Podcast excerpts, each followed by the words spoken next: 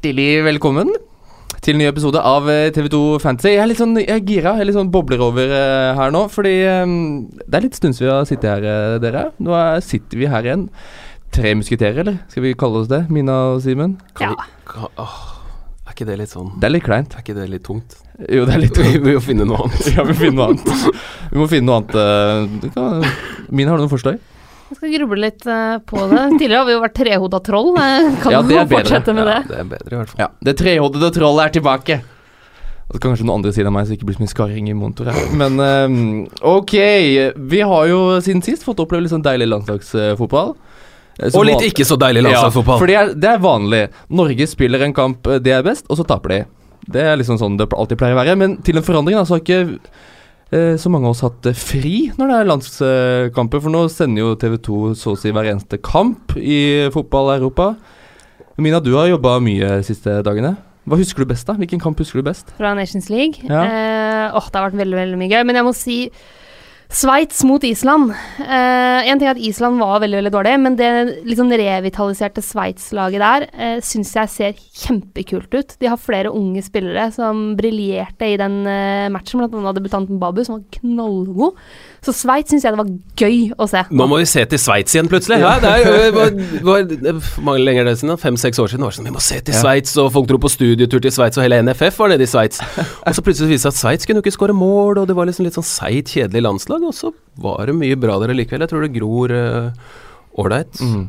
Jeg, jeg husker best Altså vi skal si én kamp, og spesifikt én spiller, så er det en som ikke spiller i Premier League. Marco Ascencio, den kampen han hadde Ah, ja, mot, mot Kroatia, som var i VM-finale. Han bare Det var nesten perfekt match, da. Ja. Da, altså, jeg sa det før kamp, altså, nå, nå starter Ascencio. Vi kommer til å få et lagskudd som er helt grisedeilig. Eh, Fordi det er sånn han scorer mål, og han gjør det gang på gang. Og så bare sitter den. Ja, det, det, var, Det var, det sånn, var helt st- ja, det var sånn statement. Sånn, ok, her er jeg.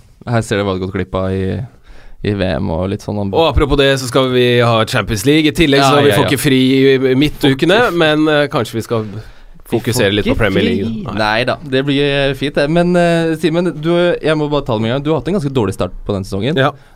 Ligger på rundt en million Å, eh, plassering. Eh, så har du på en måte klukket eller klekket eller har hva, hva det nå heter, ut en mesterplan? For Nei. å måte komme deg opp på hesten igjen nå? Egentlig ikke, jeg har bare tenkt mye. Og Ja. liksom annenhver gang jeg har tent på fantasy, så har jeg vært eh, destruktiv og eh, liksom kreativ. Så eh, jeg tror det kommer til å fortsette sånn, men, men det, jeg, det jeg kommer til å gjøre, det jeg er nødt til å gjøre Jeg, kom, jeg skal gå for å vinne ligaene mine, så eh, nå er man ferdig med de trygge valgene og er nødt til å gamble mer. Mm. Så det er, og det kommer til å gå på sikkert en del på kapteinsvalg. Ja. kommer til å uh, se mer spesifikt på uh, litt sånn Ja. differential-kapteiner. Å, det er gøy. Det, det elsker jeg. Det syns jeg er veldig veldig gøy. Og det, du er tydeligvis ikke aleine, Simen, Fordi i denne landslagspausen så ser det ut som det er veldig mange som har fått ekstra god tid til å tenke mm, der ute. Vi har fått en vanvittig mengde med spørsmål. Det må vi si tusen, tusen takk for. At dere sender inn spørsmål enten på Instagram-kontoen vår, TV2 Fancy, eller i Facebook-gruppa vår, som også heter TV2 Fancy. Det er veldig hyggelig. Vi setter veldig stor pris på det. Eh, så i dag så skal vi snakke mye om wildcard, til dere som er på det, som aktiverte wildcard. Hvilke spillere da man må ha. Vi skal komme litt skadeoppdateringer, og så skal vi snakke litt ekstra om rundens storkamp. Liverpool-Tottenham. Og så blir det dilemmaer og masse spørsmål og litt drodling og fullpakka stappe hele veien. Først så må jeg bare ta et spørsmål, som jeg så på Instagram. Det er Krifre96 som spør Hva er viktigst for oss? At laget du heier på, vinner?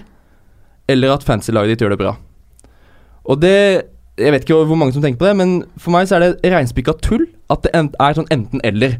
Enten så holder du med favorittlaget ditt, eller så heier du på fancy-laget ditt. Fordi hjerte og hode, i hvert fall sånn det fungerer hos meg, det er to forskjellige ting. Hjertet mitt vil jo se Sarribal bare erobre verden og Chelsea vinne ligaen, men jeg klarer jo å se likevel at City og Liverpool er de to lagene som spiller best offensiv fotball. Jeg er ikke blind bare fordi jeg ikke heier på et av de to lagene. Så hjerte, altså er det kanskje sånn, jeg vet ikke med dere, men hjertet mitt er større enn hjernen min. Mm. Eh, så jeg jubler definitivt høyest når Chelsea vinner, enn når f.eks. kapteinen min skårer. Så jeg bare måtte få ut det at det er helt mu fullt mulig å få til begge deler og ha det gøy med begge deler. Og så er det ingen fasit hvordan man skal spille fantasy. Der velger folk ulike ting. Eh, noen velger f.eks. hvis de er United-supportere, at de ikke vil ha Liverpool-spillere på laget sitt. Og selvfølgelig, da, da går man glipp av mye poeng, men det er jo en helt streit greie å gjøre det. Jeg hadde en sesong for et par år siden hvor jeg bare hadde spillere Stok. fra de Nei, ikke bare Stoke-spillere, men jeg hadde tre Stoke-spillere. Nei, Hvor jeg ikke hadde noen spillere fra topp seks-lagene, fordi jeg hadde lyst til å se hvordan hvor langt det kunne ta meg. Mm. Det var et artig forsøk, et eksperiment. Det gikk ikke sånn kjempebra. Eh, nå, veldig avhengig av Mare, så var de. Eh, men, men det var litt sånn Det er gøy å prøve litt forskjellige ting, så her finnes det ingen fasit. Mm. Jeg er ikke sur, altså. Nei, det er jo ganske mange som er det. Sure, Ja. men sure på fantasy. For enten jeg så elsker du det, eller så hater du det. Men jeg regner med at de sitter ikke og hører på dette uansett. Nei. Men det som, det som jeg kjenner at kan irritere meg litt, er at, eh, at uh, det blir en sånn uh, Folk hisser hverandre opp i å være mest mulig forbanna på fantasy. Altså, det går an, f.eks. som er på Twitter. Og Twitter er jo et sted hvor uh, ganske få mennesker høres veldig godt og maser veldig mye. Eh, men eh, min oppfordring vil jo være til dem, om de ikke hører på nå, så kan noen kanskje fortelle dem at det går an å gå inn og, og mute ord på fantasy. FPL. Ja. eh, Fantasy kan man mute, så slipper man at det, det La oss like dette spillet. Jeg syns at det faktisk gir meg, har gitt meg enda litt mer eh, når jeg har begynt å ta fantasy på alvor, fordi det er konkret. Man kjøper eller handler spillere og får poeng basert på hvordan de gjør det i en kamp. Så skal man si hva man vil om bonuspoeng og alt sånt, men er jeg syns det, det, gir det, noe- det gir meg noe mer. Mm. Så klarer jeg å holde med det laget jeg holder med likevel. Det er ikke noe problem for meg, det. Og, og folk har jo selvfølgelig en forskjellig inngang til det. Men la nå folk få holde på Ja. like det de vil. Og så er jeg enig i at det kan bli for mye fantasyprat i en uh, fotballsending, men det, det syns ikke vi er i nærheten av å gjøre det. Vi eh, nevner det et par ganger i studio, og så er alle på så innmari Ja, men det, det var to sekunder! Ja. Glem det! Bare la det være! Er du så liksom Er det så surmaga? Uh, ja, det var det. Det er bare et spill. Akkurat som fotball, det er bare et spill. Og så må jeg bare få oppfordre i denne Facebook-gruppa vi har, som heter TV2 Fantasy, hvor det er mye diskusjon om, hvor, om folk som legger ut lag, og folk mener at kan, kan man slutte å bare legge ut lag og be om tips fordi alle har det samme laget. Vær snille med hverandre, og la folk legge ut laget hvis de vil det. Og la folk spille fantasy slik de har lyst til. Den Facebook-gruppa vår er en lavterskelgruppe hvor alle skal få lov til å være med i diskusjonen og i debatten. Ta vare på hverandre. Ok, Yes. Da eh, skal jeg senke skuldra Åsted litt. Norge. Ta Åsted vare på Norge. hverandre. Ja. Ta vare på hverandre. Vi skal snakke litt om wildcard, vi. Bare hoppe videre på eh, bullet pointsene her. Eh, veldig mange spør om det. Det er mange som kanskje har aktivert wildcardet. Som Thomas Jansen skriver på eh, Diskuter alt om wildcard. Mange spør Bør jeg bruke wildcard. Vi får ta det først. da. de som ikke har brukt det nå, og som hører på dette nå, bør de bruke det nå før helga? Det finnes det jo ingen fasit på. Uh, og det er det mange som spør om når bør man bruke wild, wildcard f.eks. Men det avhenger jo helt av hvordan laget ditt er. Det er ikke noe sånn at man må bruke det i en landslagspause, selv om veldig mange velger å gjøre det i en landslagspause. Mm. Uh, så er det ikke sånn at man må det. Og om man bør bruke wildcard eller ikke, det kommer helt an på ståa på laget ditt. Jeg pleier å tenke litt sånn at hvis, hvis du merker at du må ta minus åtte i hits for å få et lag du er komfortabel med, så er det på tide med wildcard. Eh, hvis det er mye skader, hvis det er spillere som ikke starter, suspensjoner, eller du ser at liksom Ok, jeg gambla på denne spilleren fordi eh, han så bra ut i preseason, men eh, det blir liksom ikke noe Når du sitter og ser kampen, ser du at han er lite involvert, og det skjer lite. Eh, Så hvis du har mange sånne typer spillere som du tenker at her kommer jeg ikke til å få noe særlig poeng, og er frista til å ta minus 8 eller minus 12, så er det på tide å bruke wildcard. Hvis det er litt sånn Jeg skulle gjerne hatt han der isteden. Eh, variant, uh, så er det ikke noe poeng å bruke opp valgkartet. For vi får jo ikke nytt før i januar, så det kan jo være greit å spare. Så jeg ja, det- sparer mitt. Ikke sant, Det er jo greit å se, eh, se det laget du har. Uh, hvis man har tid til det, gå inn og kikk på terminlista til de spillerne du har. Sånn ti eller åtte kamper fram i tid. Hvis det ser helt grusomt ut, så er det kanskje dags nå. Da får man bedre kamper i, i desember, f.eks. på Altså, det er, det, er- det er ikke noe fasit, som du sier. Og jeg, eh, jeg Mine erfaringer er at det er best å være minst mulig trigger-happy. Fordi det er så innmari mange runder. Og, men det er vanskeligere jo dårligere man har gjort det. Det føler jeg på nå. Ja. Og så er det veldig sånn Det er, det er en floskel, men det er umulig å se, se hva som skjer i helga etter. Altså så, for, Før forrige satt vi og snakka om Richarlison må ut. Og snakka ok, vi Walcott er liksom kanskje det heiteste alternativet. Og så blir han skada Han etter skada seg selv! Ja, ikke sant? Han skada seg selv. Han sklitakla en fyr for Han skulle sette en kneet opp i eget ribbein der. Så, Og ja, så de som da har brukt wildcardet, da setter inn på Walcott, og så setter de kanskje på Wilfried Saha. Flere som bare er Som plutselig blir borte. Da sitter du der med skjegget i postkassa. Så det er som man sier, man må jo se runder, flere runder fram i tid, selvfølgelig. Og så er det bare å Altså igjen følge denne magefølelsen, da. Men det som er fint med timingen nå, er jo at uh, man har uh, klart å i hvert fall danne seg et visst bilde om hvem Mm. som uh, er i superslag, og hvem som kommer til å spille fast for topplagene. Hvem som er skadefri, hvem som kommer til å spille fast. Sånn som eksempel uh, Kieran Trippier, da. Er, eh, hvor det i fjor og, og flere sesonger også har vært sånn Ja, Tottenham de bytter jo bekke hver uke, så det er jo helt umulig. På venstrebekken, ja nå, det er, det er vanskelig der, men høyrebekken, hvis Kieran Trippier er frisk, så tror jeg han kommer til å spille. De, så eh, det er noen sånne Og Robertson også, i fjor, var jo ikke inne i hele tatt. Uh, nå er han Altså, det er en del av de forsvarsspillerne spesielt, da.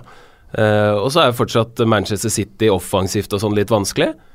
Uh, litt pga. skade, Mm. litt pga. rotasjon, uh, litt pga. spillere som ikke leverer. Men Uh, wildcard Det bra med wildcard nå er at man vet hvem som spiller og kommer til å Ja, spille men i overskuelig framtid. Ja. Nei, fordi nå begynner Champions League. ja. Nå tror jeg rotasjonen virkelig setter så det var uh, For Liverpool eksempel, så var det kjempemange tøffe kamper Mm. i, i tiden som kommer nå. Mm. Uh, men det var tøffe kamper både i Premier League og Champions League. Det et skal man da begynne ja. å rotere? Det, det syns jeg virker veldig rart. Og det er også et viktig poeng at uh, for, for managerne da, så er det vanskeligere å rotere med av hensyn til Champions League nå enn det det er seinere i sesongen. Potensielt fordi foreløpig så er sesongen veldig Ligatittelen er up for grabs. Uh, det er ikke definert, det er ikke satt enda. Men sånn på vårparten, når Liverpool gikk langt i Champions League, og man visste at liksom Ok, City kom til å vinne ligaen uansett, så det var den done all allerede. Så er det lettere å gå all in på Champions League, kontra det det er nå, da. Hvor du har flere lag, som, sånn som både Chelsea og Liverpool, som har fått en veldig veldig god start. Da ser jeg ikke for meg at liksom, Liverpool skal begynne å, å kaste det på båten pga. de første gruppespillskampene i Champions League. Men det eneste som er, uh, som er vanskelig med akkurat det, er jo at uh, de har fått en tøff gruppe. Mm. Uh, Tottenham har fått en tøff gruppe. Kanskje den ser litt tøffere ut enn det det er. Vi får se hvordan de gjør det mot Inter i den første matchen. Men, men Liverpool sin gruppe kontra Manchester City sin gruppe? Det, er jo sånn, det er jo ganske stor forskjell. Så eh, City vil ha mulighet, større muligheter til å rotere, Mm. eller på, gjøre fire bytter til en Champions League-kamp, og så ha A-laget igjen. Mm. A-laget er jo nesten like gode, men Og så ha det, det de førstevalgene første valgene nå, da, i, i Premier League. Mm. Det er selvfølgelig, Man vet jo ikke, men øh, hvis du skulle finne én sånn greie som er bra å, bru, grunn, En grunn til å bruke wildcard nå, Mm.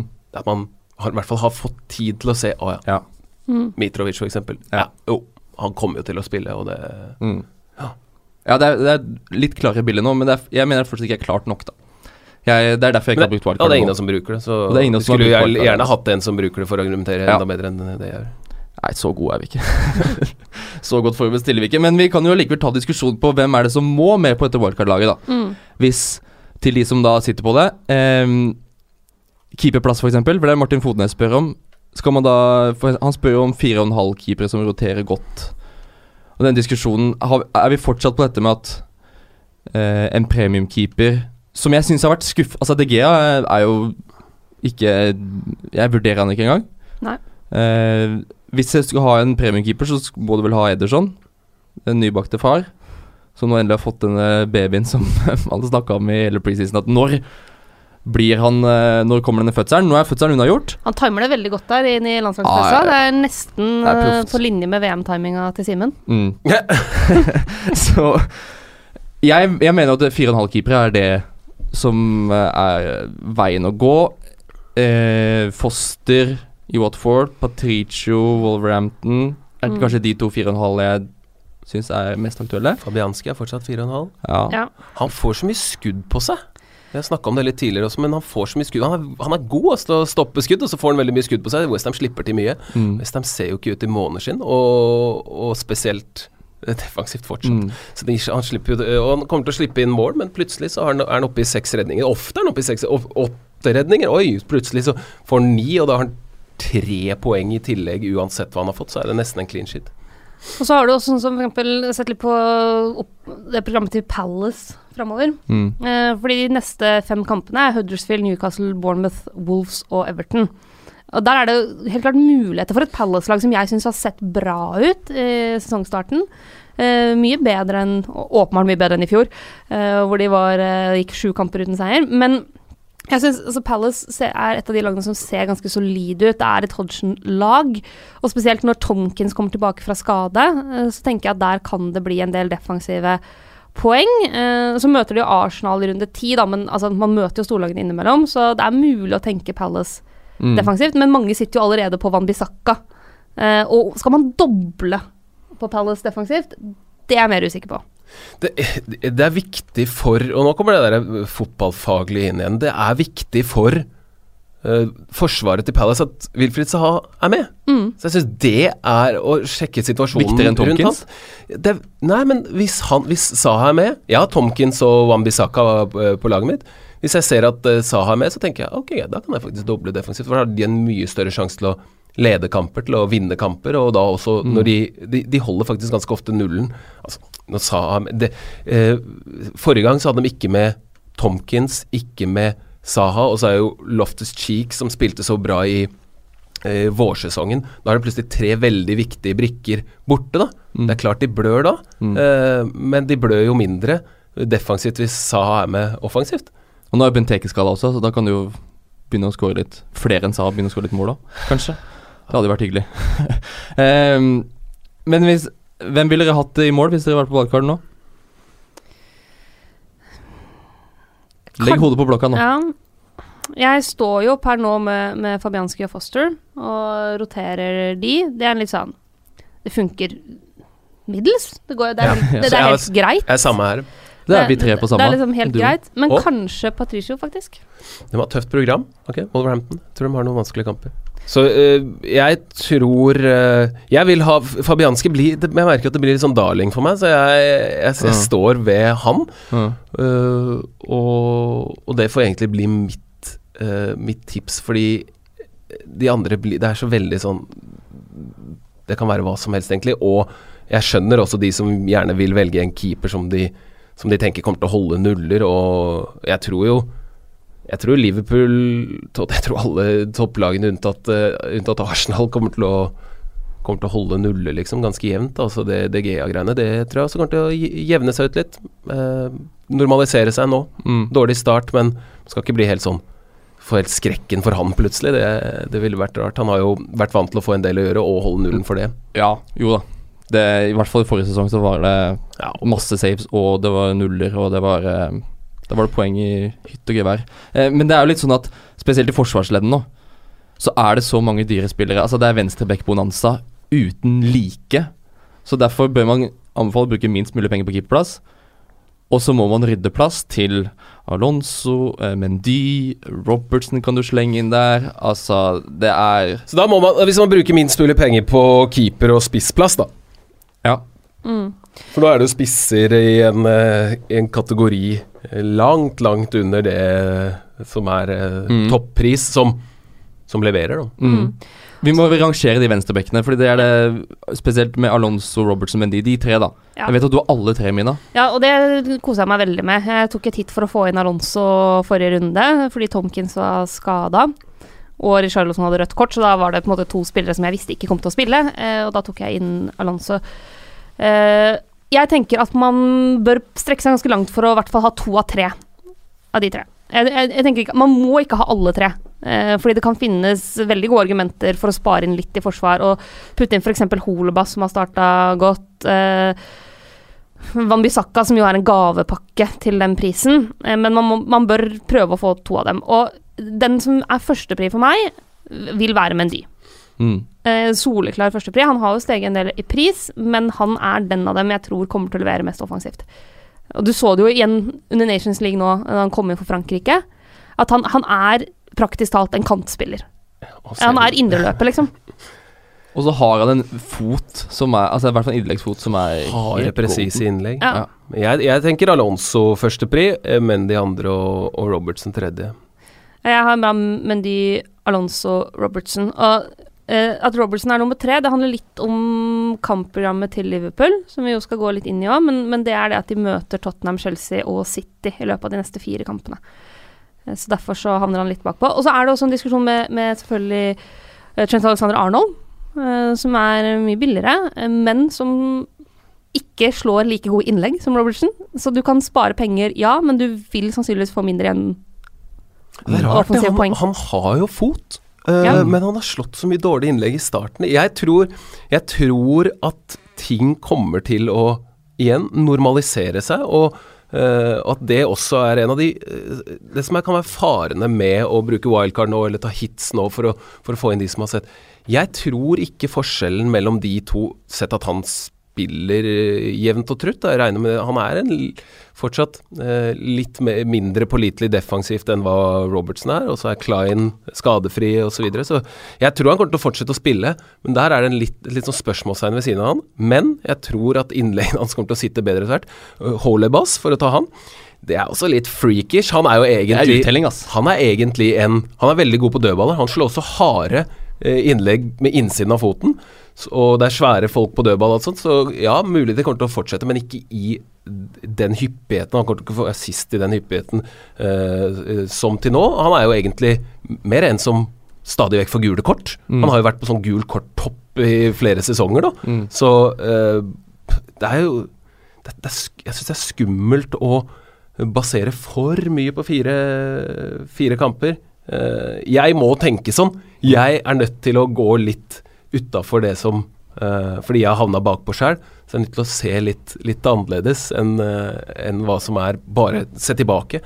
Prøve å, med min kjepphest, da, som er å se, se framover. Det er jo det er vanskelig, da. Ja.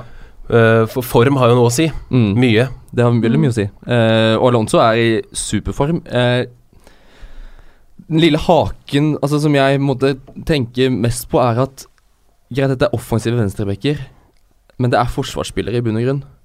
Og jeg tror City og Liverpool holder flere nuller enn det Chelsea kommer til å gjøre.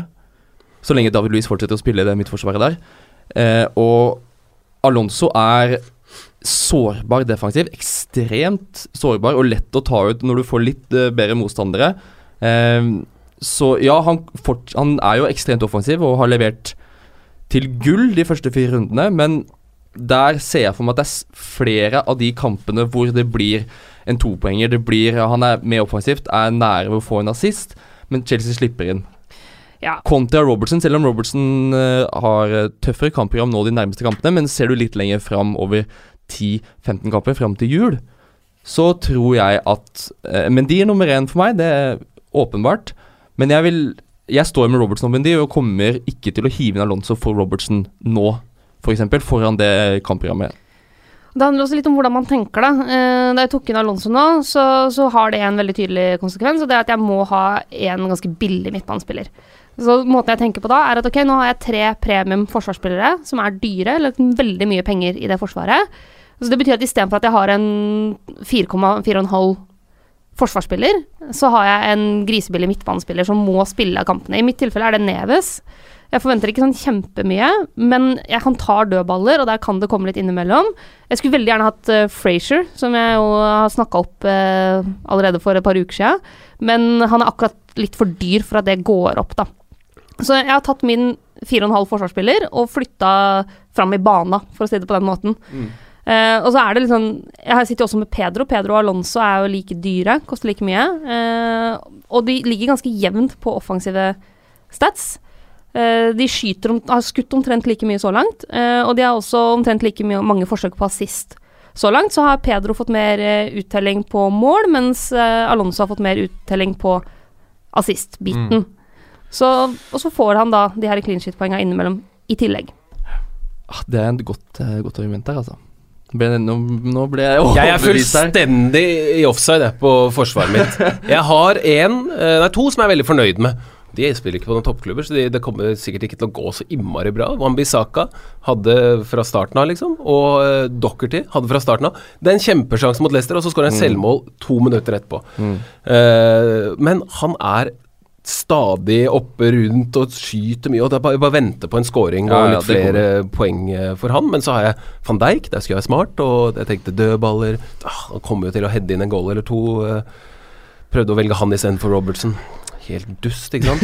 eh, og så har jeg Bednarek, tror jeg, stående der fortsatt. Han står og, og visner, og han kommer jo ikke til å få sjansen. De har jo rotert masse i forsvaret, men han får ikke spille. nei, nei. Eh, så er Tomkins i tillegg, da. Så det, jeg har dårlig forsvar. Fryktelig dårlig forsvar. Det Forsvaret mitt er det som gir meg mest lyst til å bare få wildcard av, men jeg Mm. kommer ikke til å gjøre det. nei. Må ta det Jeg har lyst på de spillerne som dere Ja. snakker om, men de åh, Og han får bonuspoeng i ja, det, Det er vondt. Det det er vondt. er litt vondt, altså. Man må ha dyre forsvarsspillere, det er ikke noe tvil om. Eh, men det blir jo ikke noe lettere på midtbanen heller. Fordi Nei. der også er det ah, Det er en jungel av hvem man skal ha. Eh, bare ta det med en gang. Sala, altså Mo Sala eller No Sala på wildcard nå. Jeg sier no Sala. Ja, Du har jo stått på den derre ikke Jeg, står jo Salah på det, jeg har stått på det siden uh, tidenes morgen, holdt jeg på å si. Um, og eh, jeg overlever fortsatt på det. Um, det er jo fordi jeg mener Mané er et bedre verdi, og fram til nå, de fire første, fire første rundene, så har Mané vært den midtbanespilleren som har levert flest poeng. Så hittil så har jeg på en måte truffet et eller annet, men når jeg ser Liverpool spille fotball, jeg ser kampene, og jeg ser eh, Oppda-statsene kommer inn etter matchen her, så pisser jeg jo i buksa. Mm. Fordi av alle tall så er Sala høyere enn Mané og scorer bedre enn Mané, men i målprotokollen så er Mané best. Så enn så lenge så lever jeg jo bare på det, og håper at det kommer til å fortsette. Men så mener jeg også at en Hazard er en mann man skal ha på nå. Han er god, altså. Han er så god. Så du for Belgia igjen eh, nå også i landslagspausa? Men, men jeg tenker, for det er litt viktig Jeg sitter jo med Salah og kommer til å holde han eh, fortsatt. Altså han, han har jo fortsatt levert bra, han har bare ikke levert i nærheten av det han gjorde i perioder forrige Det er ingen som vet hva normalen hans er. Nei, Nei. Det er det som er problemet, ingen som vet det. Men hvis du ser på de underliggende tallene, da, på de fire første rundene, så er det altså, Det er bare Aguero som har skutt mer enn Salah. Han har 19 avslutninger, sju på, av dem på mål, og 12 av dem inne i boksen. Eh, og I tillegg så er det han og David Silva som har flest såkalte attempted assists. da. Eh, sånne nøkkelpasninger, forsøk på assist, som burde ha blitt assist. Starter ganske likt som forrige sesong, egentlig. Salah var jo også mye brenning. Mens eh, Mané har er jo ikke i nærheten av å ha de samme tallene. Altså, Mané har hatt en enorm uttelling, da. Ja, ja, han har hatt en enorm uttelling. Han har skåra fire mål på seks shots on target. Den uttellinga der tror jeg ikke kommer til å vare. Eh, jeg, så, jeg så noen tall på det, at han har hatt uh, foreløpig en sesong der, så han har hatt 40% sånn eh, conversation rate, da. Det er skyhøyt. Det er, bare, det er bare så utrolig vanskelig det der, for man ser de, de tallene. Jeg syns også at man skal se på tall ofte, men tall sier ingenting om følelsen spillerne har i hodet sitt. Aubameyang, uttelling fra han kom til Arsenal og fram til sommeren, var helt enestående. Var best i Premier League, han hadde skåra i bøtter og spann i, i Tyskland. Jeg tenkte bare, det er, det er normalen hans. Han er innmari treffsikker, skårer på sjansene sine. Så kommer denne sesongen. Hæ? Ja. Bom, bom, bom, bom, bom. Hele veien. Løskrutt. Ja, ja, og, og øh, jeg, jeg syns det bare er øh, Det er det som gjør fantasy øh, så vanskelig, er at man, man kan tenke eh, logikk, Mm. eh, men det er veldig sjelden at logikk eh, liksom, og tall og sånn alene gir svar, Mm. og gir gode Mm. nok svar. Og, og grunnen til at jeg sitter trygt med Salah, er jo nettopp fordi jeg, det jeg ser i kampene av Salah, eh, så ser jeg fortsatt den samme Mohammed Salah som herja i fjor. Han er så involvert, han er så påskrudd. Han kommer seg til så mye sjanser at jeg er ganske sikker på at der kommer det til å få du kommer til å ha en eller annen sånn kamp snart hvor han bare eksploderer. Det er jo det samme med Hazard også, som vi, vi snakka om det, at når han kom Han inn spilte to og en halv kamp. ja, og hvor viktig han kom til å bli i det laget til Sarri. Og er, altså det som er så fristende med, med Hazard, er jo at han er den soleklare main man i det Chelsea-laget. Han kommer til å være enormt mye involvert. Han tar straffer og alle de greiene der, i tillegg til at han er, han er Chelseas aller, aller beste spiller. Så de, du ser hvordan de søker etter han offensivt. Søker etter å gi han ballen, sette han opp i gode posisjoner. Så hadde jeg vært på wildcard nå, så hadde jeg gjort mye for å få inn Hazard. Det, det Men da kan du Ok, okay Hazard, Hazard Mané, Salah, da. mm. Vil du rydde plass til alle de tre? Det klarer du ikke hvis du skal ha kanonene i forsvaret òg. Nei, og da hadde jeg prioritert uh, Hazard og Salah. Jeg, jeg, jeg står på å prioritere Salah over Mané. Det handler også litt om at nå er Mané Han har jo steget såpass mye. Mm. Uh, han er oppe på ti nå. Mm. Så ja, jeg, jeg står med Mané og Hazard. Jeg kommer ikke til å bytte ut Mané med Salah eller hvem som helst før Mané på en måte slutter å, å score, og, og Salah begynner. Altså den derre Nå har Mané på en måte fått en kanonstart, og som du snakker om, Simen, den følelsen han har Han, han, han kan score på alt, han. Det er en flyt han har, og med mindre den flyten stopper, og eventuelt Salah kommer inn i den samme flyten, ja, ok, da må jeg tenke meg om. Men jeg gjør ingenting før det snur, da. I og med at det er så mange dyre forsvarsspillere for eksempel, som man gjerne vil ha, osv., så, videre, så så tenker jeg mer som deg, Ole Martin. At Mm. eh, Det er tre millioner forskjell her. ak ak akkurat nå så, så ville jeg gjort det samme. Azar Mané. Hvis det var Hvis det, var, hvis det er et dilemma, da, om man Ja. må ha alle de tre, så tenker jeg faktisk med Mané Azar. Eh, det eneste er jo at Man tenker kanskje Salah er mer en sånn hat trick-mann. Mm. Altså, og, og mer enn hat trick òg. Mm. Eh, Det er jo det som gjør det litt skummelt. da Hva hvis man ikke har han, og dem du kjemper med, Har han med har, kaptein, har han som kaptein nå i de neste rundene, og det plutselig Men eh, vanskelig for å se han skåre hat trick i eh, Altså på mot. Chelsea, eh, Tottenham borte, City hjemme. Nei. Større sjanse for at, eh, at, det jevner, at, de, at det er jevnere fordelt mellom han og Mané nå Mm. i de neste kampene. Også, For det må man jo ta med også at de to neste Chelsea her nå er jo Cardiff og Westham. Mm. Så uh, kan man bare tenke seg til hva det kan bli for uh, i lille Edens hage. Um, er det noen Vi må jo ha noen billige midtbanespillere her. Bare katt ut uh, hvem man ville Jeg har e- en som jeg tror uh, har akkurat starta nå, og han er jo upålitelig som bare rakkeren, men morsomt å se uh, Adama Traoré når han kommer innpå og spiller. Han dribler, han dribler mer på ti minutter enn andre teknisk gode midtbanespillere gjør i løpet av en kamp, og nå scorer han sist òg. Eh, vet aldri hva man får, men jeg, Nei, må, jeg, må, nei, men jeg må tenke utafor boksen, Ja. og han, han er utafor den boksen. Og, Han er så langt utafor, ja, og det er nå, helt nydelig. men nå, nå ser jeg f.eks. sånn som uh, Walcott, som har uh, spilt uh, ikke veldig bra, men fått god uttelling. Og det kan vurdere vurdere litt og, og, og prøve noe der. Mm. Frigjøre litt penger og kanskje plutselig gjøre noe genialt. Mm.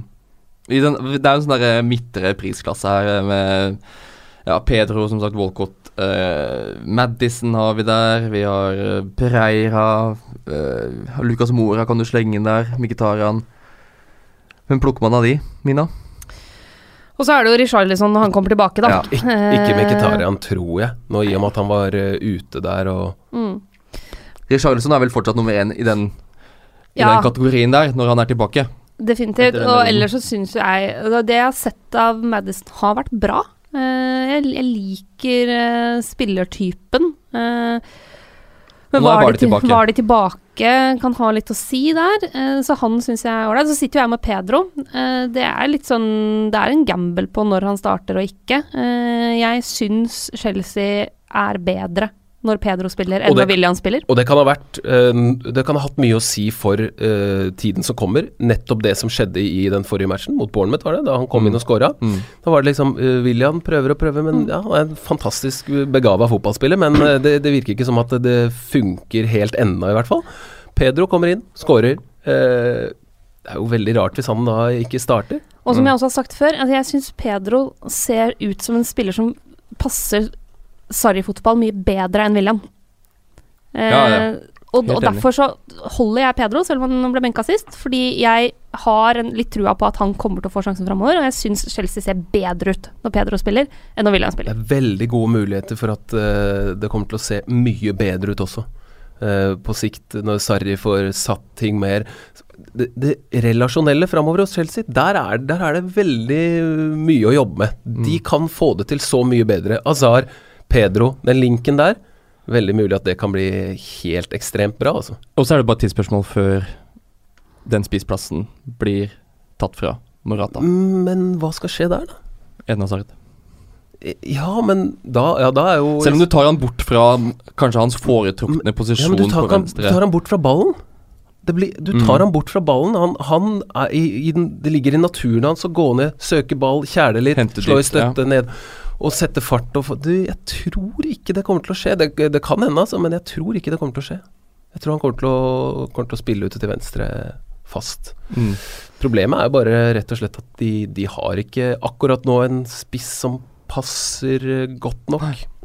Det er det som er problemet. Så jeg tror han Sarri kommer til å teste ut Hazard i den uh, midtre midtspissen eh, der. Ehm, ok, vi må bare ta spisser til slutt. Nå har vi babla lenge om wildcard her, men hvilke spisser må man ha? Jeg har to navn i hver prisklasse. Aguero og Mitrovic.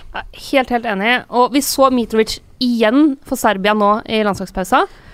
Han er så påskrudd. Han fighter og fighter og fighter. Få måla sine. Det ene målet han hadde nå for Serbia, er et sånn skikkelig krigermål. Der har han to-tre spillere liggende oppå seg, men klarer likevel å krangle den inn. Og så har han et altså helt nydelig, nydelig mål. Og når Mitrovic er i form, så er han en type spiss som kan skåre også mot storlagene. Er vanskelig å forsvare seg mot. Eh, og sånn Fulham spiller, så syns jeg Mitrovic er det liksom soleklart beste valget. Vi har fått en del spørsmål. Joshua King eller Mitrovic, Callum Wilson eller Mitrovic. Og for meg så er svaret da Mitrovic, Mitrovic, Mitrovic. Ja, Helt enig. Istemmes. Enstemmig vedtatt. Ehm, så vi må ta noen skadeoppdateringer her, fordi det, vært, det er mye spørsmålstegn. Det er mye gule varseltrekanter som lyser her. Eh, så vi bare skal rase gjennom det. Eh, mye spørsmål om Saha og Walcott, selvfølgelig. Bare kall meg JP. Da kaller vi han bare JP på Instagram. Han spør om Wilfred Saha og Walcott, selvfølgelig. Eh, når det gjelder Saha Det er ikke bekrefta noe fra Roy Hodgson ennå. Så kom det rapport på at han ble testa før forrige kamp, uten at det gikk gjennom. Men Ben Dinneri, helten på Twitter, han melder at Saha forventes å bli klar. Så der bare venter vi på siste bekreftelse mm, på pressekonferansen, som kommer eh, fredag. Og så er det Theo Walcott som sliter med et ribbein. Siste meldingen er at det skal sjekkes. Ja, Det som er problemet med ribbein, er jo at eh, det gjerne er mer smertefullt med Mm. brista ribbein enn eh, brukket ribbein. Og det er ikke brukket, så da kan hende at det er brista. Mm. Og da er det sånn at det kan ligge og gnisse lenge og er veldig smertefullt. Jeg drømte i natt at Theo Walcott scora. Så det kan jo selvfølgelig da da være det. Et tegn, men jeg pleier ikke å være sånn drømt. For Men det Telegraph melder jo at han ikke blir klar. Det har Telegraph meldt, at Walcott eh, Det ser ikke ut som han blir klar. Men der må også vente på pressekonferanser. Kommer på fredag, og på fredag, som er alt ettersom når du hører på dette, så er det Fancy-fredag på På Instagram-kontoen vår og på Facebook-gruppa vår, TV2 Fancy. Så da gir vi deg all info, alle oppdateringer på om de to blir klare. Så bare følg med der. Og så kommer det eh, konservative kapteinsvalg. Ja. Kjedelige kapteinsvalg, Ja, som vanlig. Men det jeg, Apropos Walcott og Mitrovic og den smørja der. Jeg har, eh, jeg har jo Aubameyang, ikke sant. Jeg står jo Mm. Eh, det, det kommer, Han kommer sikkert til å skåre mål og sånn, men nå, i og med at det er så stor forskjell i pris på han og Mitrovic, så tenker jeg at mitt move før denne runden er uh, ut med Aubameyang, inn med Mitrovic, ut med Walcott og inn med en eller annen midtbanespiller. Jeg har jo to, jeg har gjort klart de to byttene. Å, så smart det er til landslagspausen. Så ser jeg på laget mitt, så bare Ja, men han kan jo komme til, og han kan jo komme til. Det er litt sånn hipp som happ. Mitovic Mitrovic inn før uh, de skal til Etiad. ja, Jeg lurer på det, altså. Det er, det er bare Er frisk, da. Ja.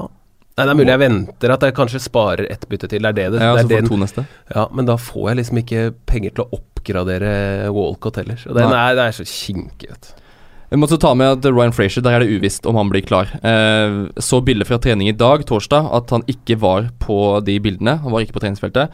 Kan det være at fotografen ikke har plukka det opp, men eh, der også venter vi på en bekreftelse. City var litt late sist. I den kampen eh, de slo Newcastle. Mm. Ja. Det var et eller annet der som Jeg skal, jeg skal sikkert ikke legge for mye i det, men hvis de er så liksom liksom, slappe Mm. og litt uh, nonchalant og sånn. Mm. Jeg tror ikke det Jeg tror ikke det er noe god idé mot uh, Fulham, altså. Nei, det kan bli det Kan det bli en skrell der, da? Nei, jeg tror ikke det blir skrell, for jeg tror City kommer til å score på det forsvaret der. Men eh, kan, det er ikke helt utenkelig at det blir litt sånn oh, jøss. et, Ja. eh, et, et skrell eh, til pause, eksempel. Ja.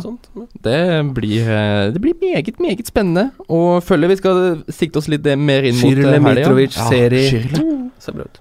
Han har noen vanvittige tall. eh, Han har skutt uh, hver bide Altså hver eneste minutt. Hver gang han har ballen, så skyter han jo. Sjurre, uh, 14 avslutninger så langt. 6 on target, 6 i boksen. Uh, Mye for, og det er- Ja, men, eh, men likevel ganske solide tall for en eh, ganske billig spiller. Og så er det også faktisk verdt å nevne at eh, hans lagkamerat Seri ligger ganske høyt på forsøk på assist. Mm. Og han hadde en Han nydelig kanon. assist til han eh, er- Mitrovic, eller?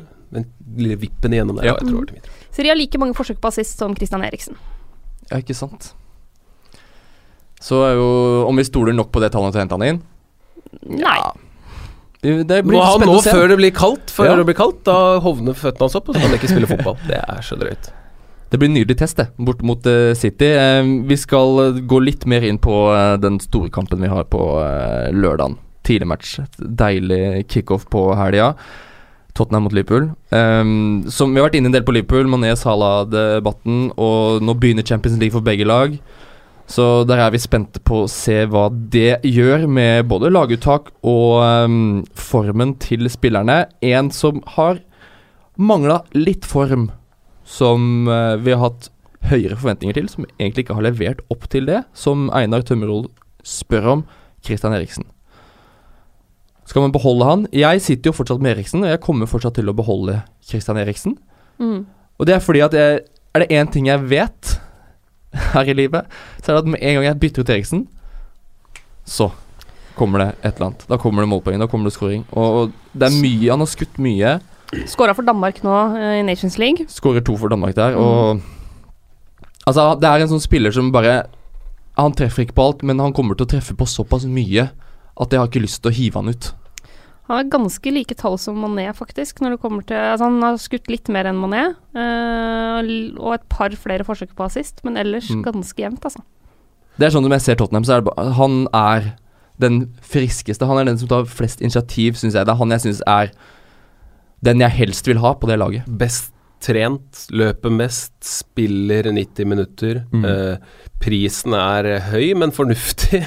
Eh, jeg tenker jo eh, Tottenham-Liverpool, veldig interessant kamp eh, på, eh, på på alle mulige måter, men ikke for fancy. altså sånn å gjøre så mye med de spillerne før den kampen der, nei. Jeg får, Hente inn noen, nei. nei Selge noen, nei, jeg tror ikke det. Nei, vi selger ingen. Vi setter den på benken. Nei, altså Nei, det har jo blitt 0-0 noen ganger, det Ja. òg. Det oppgjøret der ble jo 4-1 vel til Tottenham forrige sesong. Mm. Men uh, man Mye har skjedd siden det. Man benker ikke offensive Liverpool- eller Tottenham-spillere selv om de møter tøff motstand. Det er i hvert fall min holdning. Eh, Jeg bruker ikke liksom 10-11 millioner, 9 millioner på en offensiv spiller fra et topplag, og så benker de fordi de møter et annet topplag. Det gjør jeg bare aldri. Og jeg kommer til å spille Robertson. Eh, og så blir det kanskje noen offensive poeng. Eh, jeg har ikke så mye trua på, både det defensivt eh, som jeg har i vanlige kamper, men kan fortsatt komme med offensive poeng. Og det samme ville jeg tenkt med Trippier, f.eks., hvis Mm. man hadde sittet med han. Mm.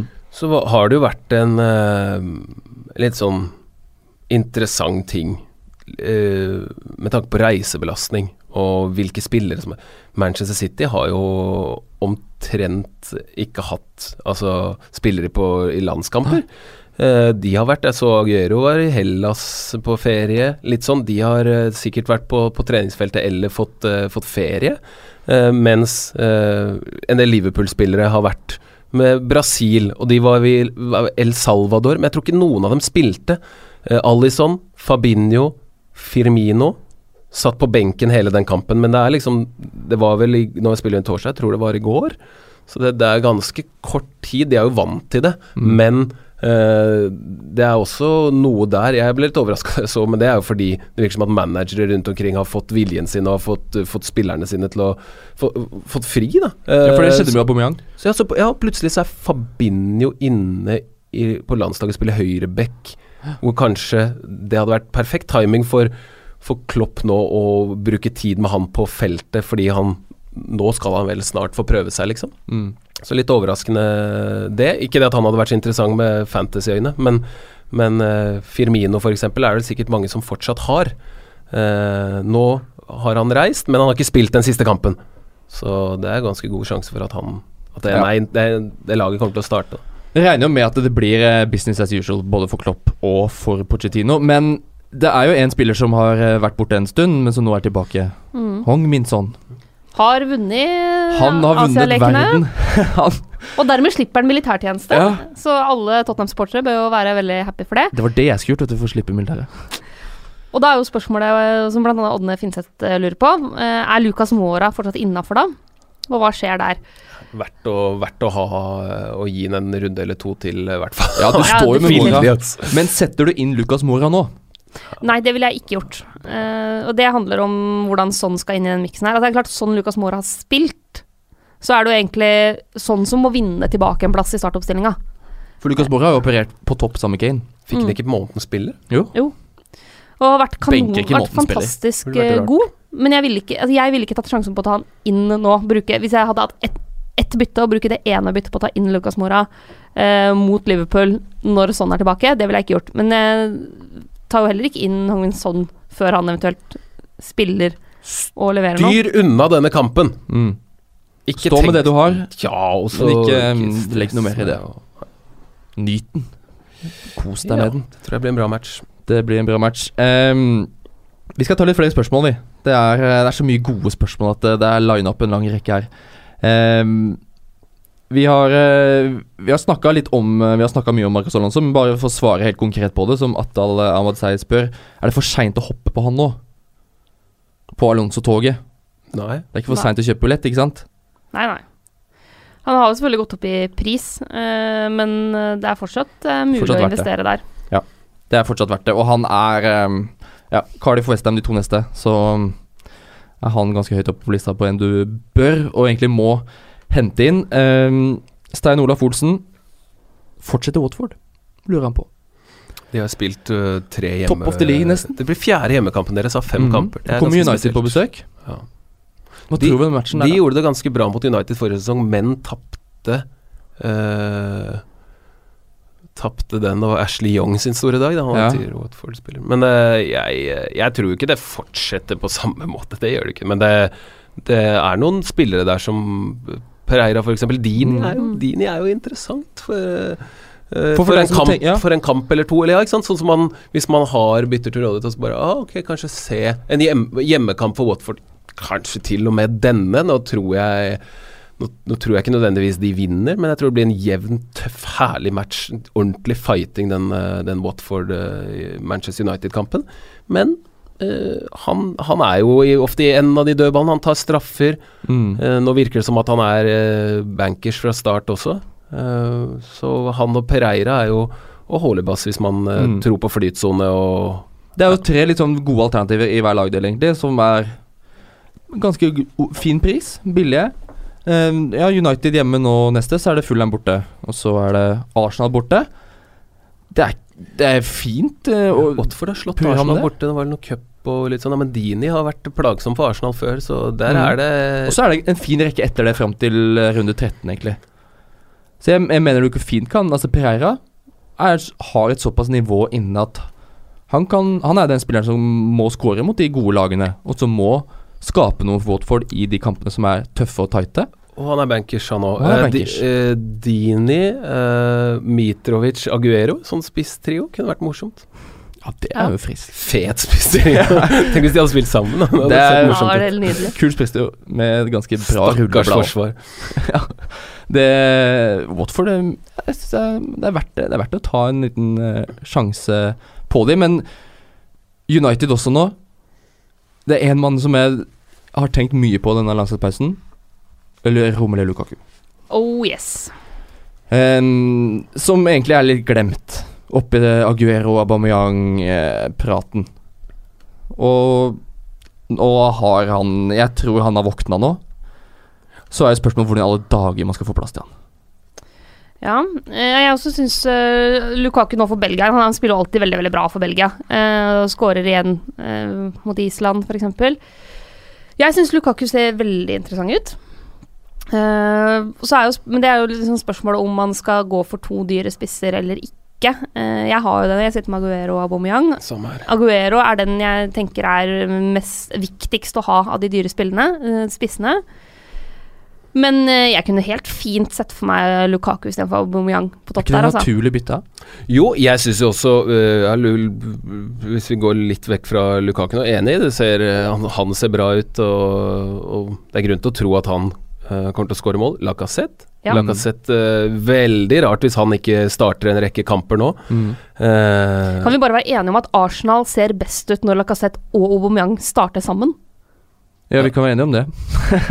og det, hvis de åh, Kan de ikke få fart på Øzil òg, så, så kan det bli så bra. Ja, han er jo Så lyst til å se de Han er på så forkjøla at det- De, de, de At de kan være At, at de kan være på sitt beste sammen. Da blir det liksom Apropos det vi snakka litt om i stad, om at øh, det, hvis det offensive sitter, så får det defensive Mm. litt Ja, de er jo ambisiøse i frispillinga, det kommer til å se litt rart ut, men jo bedre det er framover, jo, øh, jo mindre trenger de der bak å være involvert, da. ja. Og, og Lacassette jobber også mye mer defensivt enn Aubameyang. Ja, eh, sånn som i den første forsvarerjobben. Eh, sånn at der er det en som at kanskje Palace er sikrere defensivt med Saha. Eh, så, så får man en ekstra defensiv dimensjon med Lacassette på banen for Men- Arsenal sin del. Men er ikke både Lukaku og Lacassette eh, Fordi ja, Vi kan være De- enige om at er Lacassette, Lacassette er Altså Når han spiller, så er Arsenal bedre. Men det betyr ikke at Emery kommer til å starte Lacassette hver eneste match. Vi er ikke trygge nok på det ennå, er vi vel? Nei, men de er i den kategorien som jeg må Ja. se på. Utafor den åpenbare boksen. Som du kan ha ved siden av Guero Mitrovic. Ja.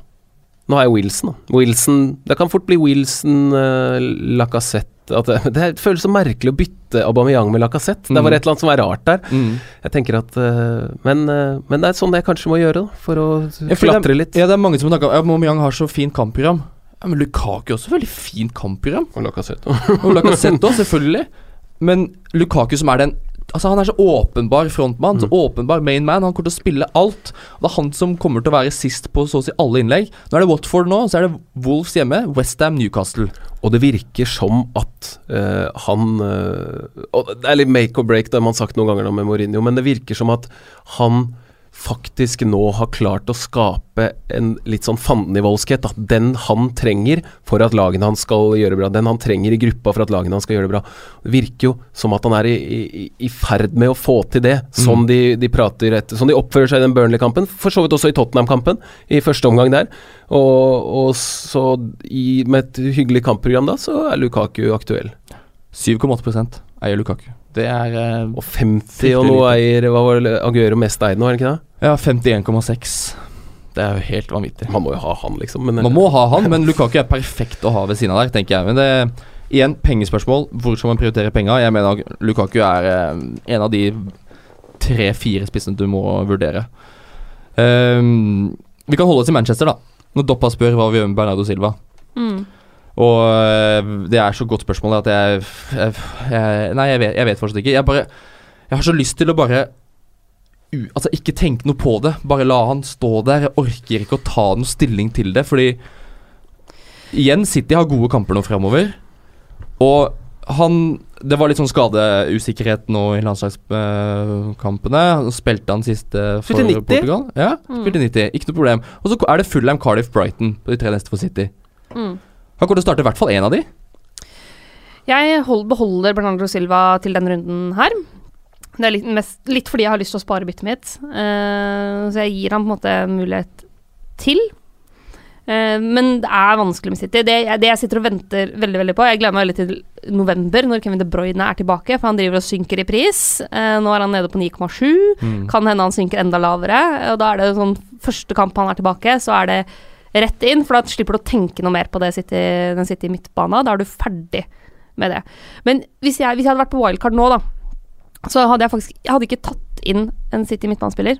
Da hadde jeg tatt inn Aguero og Mendy og tenkt at det er offensiv City-dekning. Og så hadde jeg prioritert andre lag på midten. Jeg hadde ikke tatt inn noen av de andre City-spillerne. Har vi Bernardo Silva alle mann, eller? Er det liksom Ja, jeg har han i hvert fall. Ja, det har vi Ja. alle tre. Det er, det er uh, veldig vanskelig case, men Og jeg tror ikke han kommer til å starte nå, pga. uh, landslagsgreiene. Mm. At han spilte 90 nå sist. Jeg tror det er såpass enkelt. Men, han kom inn nå sist, og han ble coacha veldig veldig aktivt før han kom inn. Det så ut som om at Guardiola var litt engstelig, og nå må jeg sette inn på han. Det er hans mann.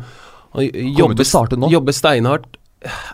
Sané har, Sané har jo også blitt far disse Men er dagene. det liksom det, jeg, jeg, Og han er, han er jo ikke i nærheten uansett. Men hva St og? Stirling er Det er litt sånn små Han litt vondt i ryggen, og der kan jeg ikke helt uh, sikker. Men er du, Så- s- føler du deg sikker på at Bernardo Silva kommer til å starte? Når Stirling og Sané er usikre, da må det bli Bernardo Silva. Det er mulig at jeg Mares. tenker at det er litt for kort tid fra den landskampen til Og det, har- det er ikke så kort tid, det. Nei, for det, det, den kampen gikk vel på mandagen. Italia og Portugal. Ja, da går det jo Ja, det- kjempefint. Og det var i Portugal, så det er ikke mm, kjempelangt unna. Og hvis Pep skal, som han har gjort i hjemmekampen, spille med tre bak, så er Bernardo Silva En, ofte en plass ekstra. Ja, det er en plass ekstra, og han kommer nok til å spille da den derre litt høyere wing-kant-back-rollen. Og han burde hatt flere poeng enn det han har til nå, Ja. Mm. ikke færre. Han eh, Ja, nei, men ok, det er, jeg er glad for å tenke sånn jeg gjør nå, snu litt, for jeg har tenkt at han kommer jo ikke Må til å starte meg Ja, jeg har tenkt det på grunn av eh, de, altså, de som er uthvilte, og at man Mm. ikke vet helt, og så Men det er jo, det er jo ikke det er jo ikke, Han koster jo ikke 13, 12, 11, Han koster jo ikke så mye, så det er har jo, Han er jo en også. Jeg har vurdert å ta ut, men jeg tror jeg driter i det. Altså. Tusen takk for at dere overbeviste om det. Jo, jeg, jeg tror det kommer til å gå fint, jeg. Nå i hvert fall første runden. Og så er det bare å holde seg fast i den tynne tråden. Han kommer til å få minutter. Han til å få og, minutter. og City offensivt trenger ikke mange minutter for å skåre mål. Nei, nei, assist. Eller. Mot et offensivt, ambisiøst Fulham-lag. Det skal gå helt fint. Det er jeg ganske sikker på. Um, vi holder oss litt på midtbanen. Vi skal enda lenger ned i pris. Når uh, Ekstra Priv Nei da. Det er et, go- det er et eh, fint uh, kallenavn på Instagram. Ekstra Priv Nei da. Så han er Ja, ok. Han er ekstra privat? Nei da, er ikke det. Veldig offentlig mm, person som spør om eh, Kan jeg overleve med Kennedy på midtbanen. Skal vi bevege oss helt ned i den billigste midtbanekategorien her, da. Eh, Kennedy Det er jo frustrerende å måtte ha ham på laget, fordi det er ikke tvil om potensialet hans i et Newcastle-lag som er for, ganske grått. Og Kennedy er jo den Benitez må stole på for å sette straffer, men så gjør han ikke det. Eh, og må holde, holde temperamentet i sjakk. Eh, er det noen andre i den kategorien som er mer aktuelle enn Kennedy? Jeg har gått, gikk som jeg sa tidligere, for eh, Neves i Wolverhampton. Um, du skal jo egentlig ikke ha spillere som ligger så langt bak i banen, men han har den frisparkfoten som gjør at han er litt ekstra fristende. Nå er han oppe på 5,2. uh, og han har jo liksom Han har ganske greie stats. Han skyter liksom Han kommer seg til en del avslutninger, og så er det ganske få av de som går på mål. Men jeg syns at til 5,2, da, eller 5,1 som jeg kjøpte han for, så, så er det helt streit når du veit han tar dødballer i et offensivt uh, Wolves-lag. Topp eh, tre eller fem høyreføtter i ligaen. Mm. Det er jo helt uh, Nei, er er det det- nok? Eller så har du jo Frazier, da. Som, da, da må Ja, man opp Men du må tenke hva du 5,6. sammenligner med her òg, da. Mm. Kennedy, liksom. Hvor Newcastle de, skaper ikke så mye. Og, Nei, nei, nei. Frazier er min billige mann på midten. Ja, han har, syns jeg har sett uh, veldig veldig frisk ut. Han er ekstremt uh, Hæ? Kom igjen! Men hvis du ser hvor, hvor involvert Frazier har vært da eh, i offensivt for Bournemouth, så syns jeg han er et veldig godt valg. Men han er, da må du opp på 5,6, så da, det er jo et stykke fra de aller, aller billigste. Altså, Adama Torre, Hvis du setter inn Adama Torre da, da, da liker du å leve på kanten, ass. Han er jo er jo bare sånn Når det gjelder å drible, rykke forbi noen Er det så mange som er bedre enn han? Sånn, jeg mener av Mm. alle, liksom, sånn med farta Jeg så noen stats på, sånne eh, take-ons eh, og sånn så langt, og han ligger jo helt, helt i toppen, selv om han knapt har spilt. Man Han har spilt 90 minutter. Det er bare en morsom spiller, da. Men han er, han er jo ikke til å stole på, vet du. Han er ikke til å stole på i det hele tatt, men det er jo altså, hvem, Hvilke er til å stole på i det hele tatt? Det tullespillet her. Det, um, Adam tror jeg er jo frisk. Eh, Ja, Frazier har vi nevnt. Det er ikke så mye annet. Kan, de kan nevne de der danske gutta Billing og Høibjerg og de som er helt eh, Fordi de har skåra et mål hver. De skårer ikke mål, de. Nei, de er ferdigskåra, tror jeg. Ja. Ja. Veldig rart hvis de ikke er ferdigskåra. merker jeg. Det Nei, jeg lanserer eh, Jeg syns at det er Frazier hvis man har råd. Uh, Neves fordi han tar frispark. Eh, Hvis man må ha en 4,5, da. Ja, det er de som på en måte er mest interessante, da. Seri kan man jo vurdere. Da er det jo først og fremst med tanke på assistpoeng, da. Eh, Han koster 5,4. Ja, hvis vi, må gå, vi må gå helt ned på 4,5, bare for å Klarer vi å plukke en der? Helt ned på 4,5. Fordi vi skal, det er mye penger vi skal bruke andre steder, folkens. Det er liksom Tung kategori, altså. Det hadde jo vært utrolig gøy hvis Danny Ward i Cardiff fikk fortsette å spille på topp, da. Ja. Han er jo rangert midtbanespiller, og skårer han jo sist mot Arsenal. Uh, jeg syns det, det er en frisk Han og Traoré. Så kan du bytte på de to. Men Adama ha- er for dyr. Ja, Hvis du kjører han som fjerdemann, så kjører Ja. Danny Ward som femte. Ja. Det kan jo funke, det. Da har du en 5,5 og en 4,5. Det er eh, Man må bare la det stå til. Det er ikke Vi blir ikke så kloke på det, men eh, man må bare gamble, gamble litt. Um, Markus Svensgaard spør om eh, Jamie Vardy, og det syns jeg er veldig fint at du gjør, Markus. Det er veldig, veldig veldig fint at du gjør. Fordi Jamie Vardy er nå tilbake fra suspensjon. Har ikke spilt landskamper, han har gitt seg på landslaget. Det er kjedelig da når de først skal spille på King Power, dette englandslaget. Altså, Chilwell får debuten sin der. Altså, nei, var det ikke å være med. Men, eh, men, men. Han skal spille for Leicester nå. Bare Leicester. Og Leicester har eh, fine kamper framover. Og det er jo en mann vi vet skårer 20 goller hver sesong. Mm. Han er- koster 8,9 nå. Mm. Så det er jo interessant. Jeg har ikke tenkt på det. Nei. Jeg har ikke tenkt på den før, før nå. Nei, jeg syns det er interessant. Det er klart, det er en litt sånn Han er jo litt i den det ikke det? Lacassette-klassen. Lacassette er jo litt dyrere. uh, men det er Hvis man f.eks. sitter med en av de her 11-millionersspillerne da, Hvis man f.eks. ikke har troa på Aubameyang, så kan man jo hente inn litt ved å gå ned til Vardi, gå ned til Lacassette, de gutta der. Eh, eller hvis man f.eks. sitter med, med Firmino og har lyst til å gjøre noen endringer og heller få inn Mané på midtbanen, f.eks., så er jo det en mulighet. Men uh, Aguero, Vardi og Danny Ings, f.eks., det er en eh, spissrekke, det, som uh, hvor du Mm. sånn prismessig plasserer deg ganske greit. Men hvor, hvor langt Altså, han er ikke Jeg skjønner jo på dere nå at han er ikke langt fram i køen. Han er ikke Han er ikke Aguero, han er ikke Aubameyang, han er ikke Lukaku. Det er ikke Du vil heller kanskje gå ned på en Wilfried Saha til og med Arnautovic. Jeg tenker på deg, Simen, som du må jo gjøre noe gøy nå. Jeg, begynte å Jeg tok fram telefonen for, å, for å kikke litt på hvor mye man får for, for han og han. Uh, var de for Aubameyang? Er ikke uaktuelt for meg, det. Nei. 3,2 som har tenkt på, 3,2 på Vardy? på Vardy. Say no more. Say no more. Kaptein! Da, det er en fin overgang da til eh, Vi kan snakke om byttene vi skal gjøre. Simen setter inn veit Før helga? I hvert fall høyt oppe på lista. Mina, eh, du er litt kjedelig du før denne helgen, tror jeg. Ja, eh, som ting ligger an nå, så tror jeg at jeg kommer til å spare byttet. Eh, jeg tok jo hit forrige runde for, på grunn av Richarlison og Tomkins, så jeg har bare ett bytte. Eh, og når jeg først skal gjøre noen endringer, så tror jeg at jeg skal ta litt Få litt større spillerom, så jeg tror jeg kommer til å spare. Eh, det vil si at eh, jeg kommer til å da stå med eh, Fabianski i mål, Alonso, Robertson og Mendy, Pedro, Neves, Sala, Bernardo Silva, Danny Ings, Aubameyang, Aguero. Ja. Det ser ut til å bli mitt lag, og så eh, da ha to bytter neste runde, som gjør at jeg kanskje skal selge Aubameyang. Vi får se litt hva han utretter mot Newcastle. Eh, kanskje er det på tide å si farvel til Bernardo Silva. Det gjenstår å se. Eventuelt da bruke to bytter på å rydde opp på, på benken min, som er altså så totalt ubrukelig. Eh, eller Van Bissaka er bra, men de to andre gutta er jo ikke i nærheten av å spille noe som helst. Nei, det er Peltier og Hudson Odoi, eller? Stemmer det? Ja, det er de to klassikerne. De, de kommer til å sitte der lenge, de, Mina. Det er bare å bli vant til det. Um, jeg har et lite problem, fordi jeg var jo helt overbevist om at Cedric han skulle ryke nå. Og så kommer han med det der eh, blaffet av en Altså Det er helt vilt hvordan han klarer å få tolv poeng. Men du fikk han inn fra benken, Jeg fikk han inn fra benken, og da var det bare sånn herre Ja, men da Jeg kan ikke vrake han nå. uh, Foreløpig så sitter han på benken min, da. Fordi jeg spiller Robertson, Mendy og Van Bissaka i Forsvaret. Eh, men jeg vurderer å spille mm, Kanskje jeg benker Robertson.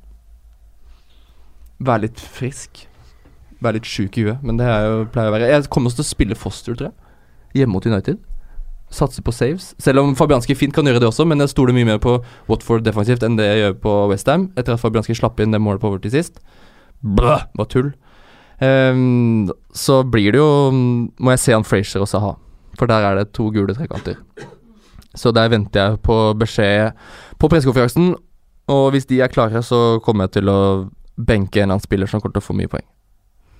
Og ikke gjøre noe bytter.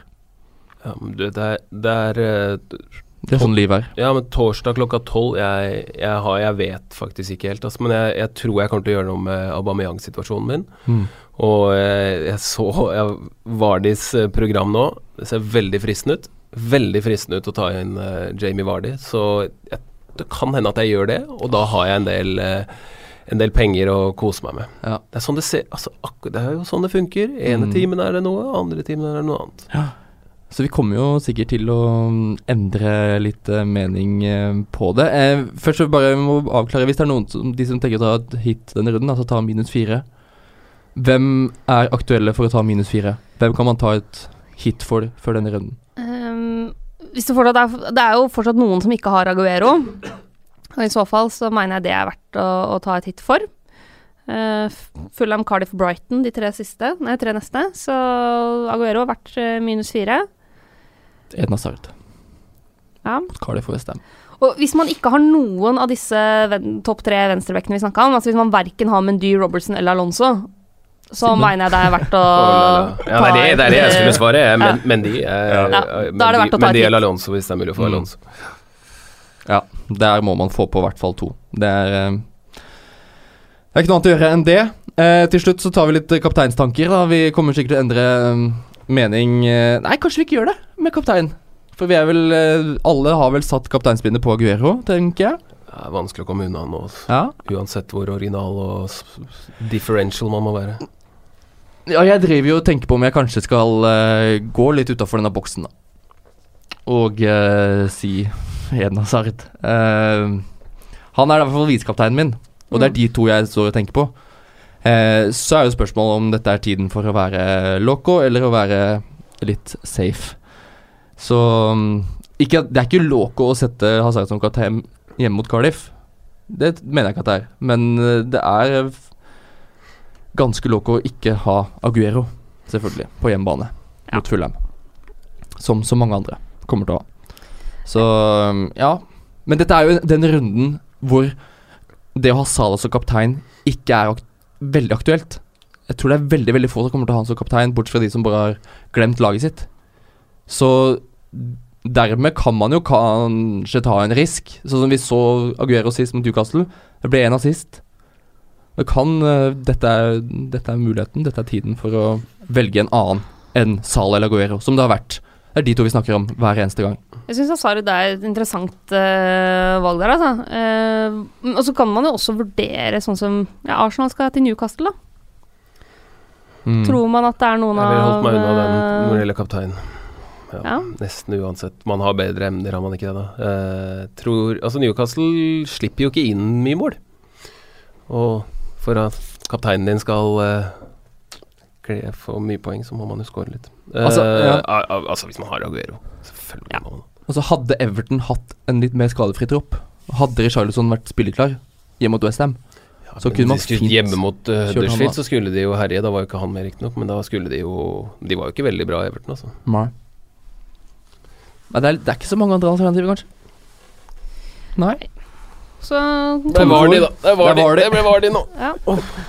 Gå all in på Jamie Vardi der. Det er eh, Nei. Få se, da. Nei.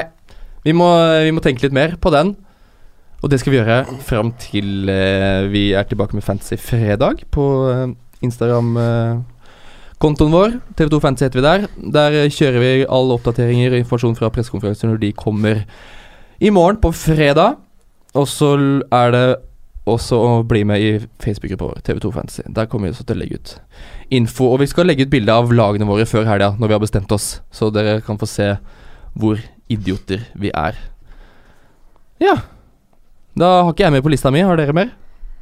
Nei, jeg syns vi har vært innom eh, ganske mye forskjellig, ja. så får vi se, da. Eh, Den derre Liverpool-Tottenham-matchen, der eh, det lukter krutt, altså. Mm.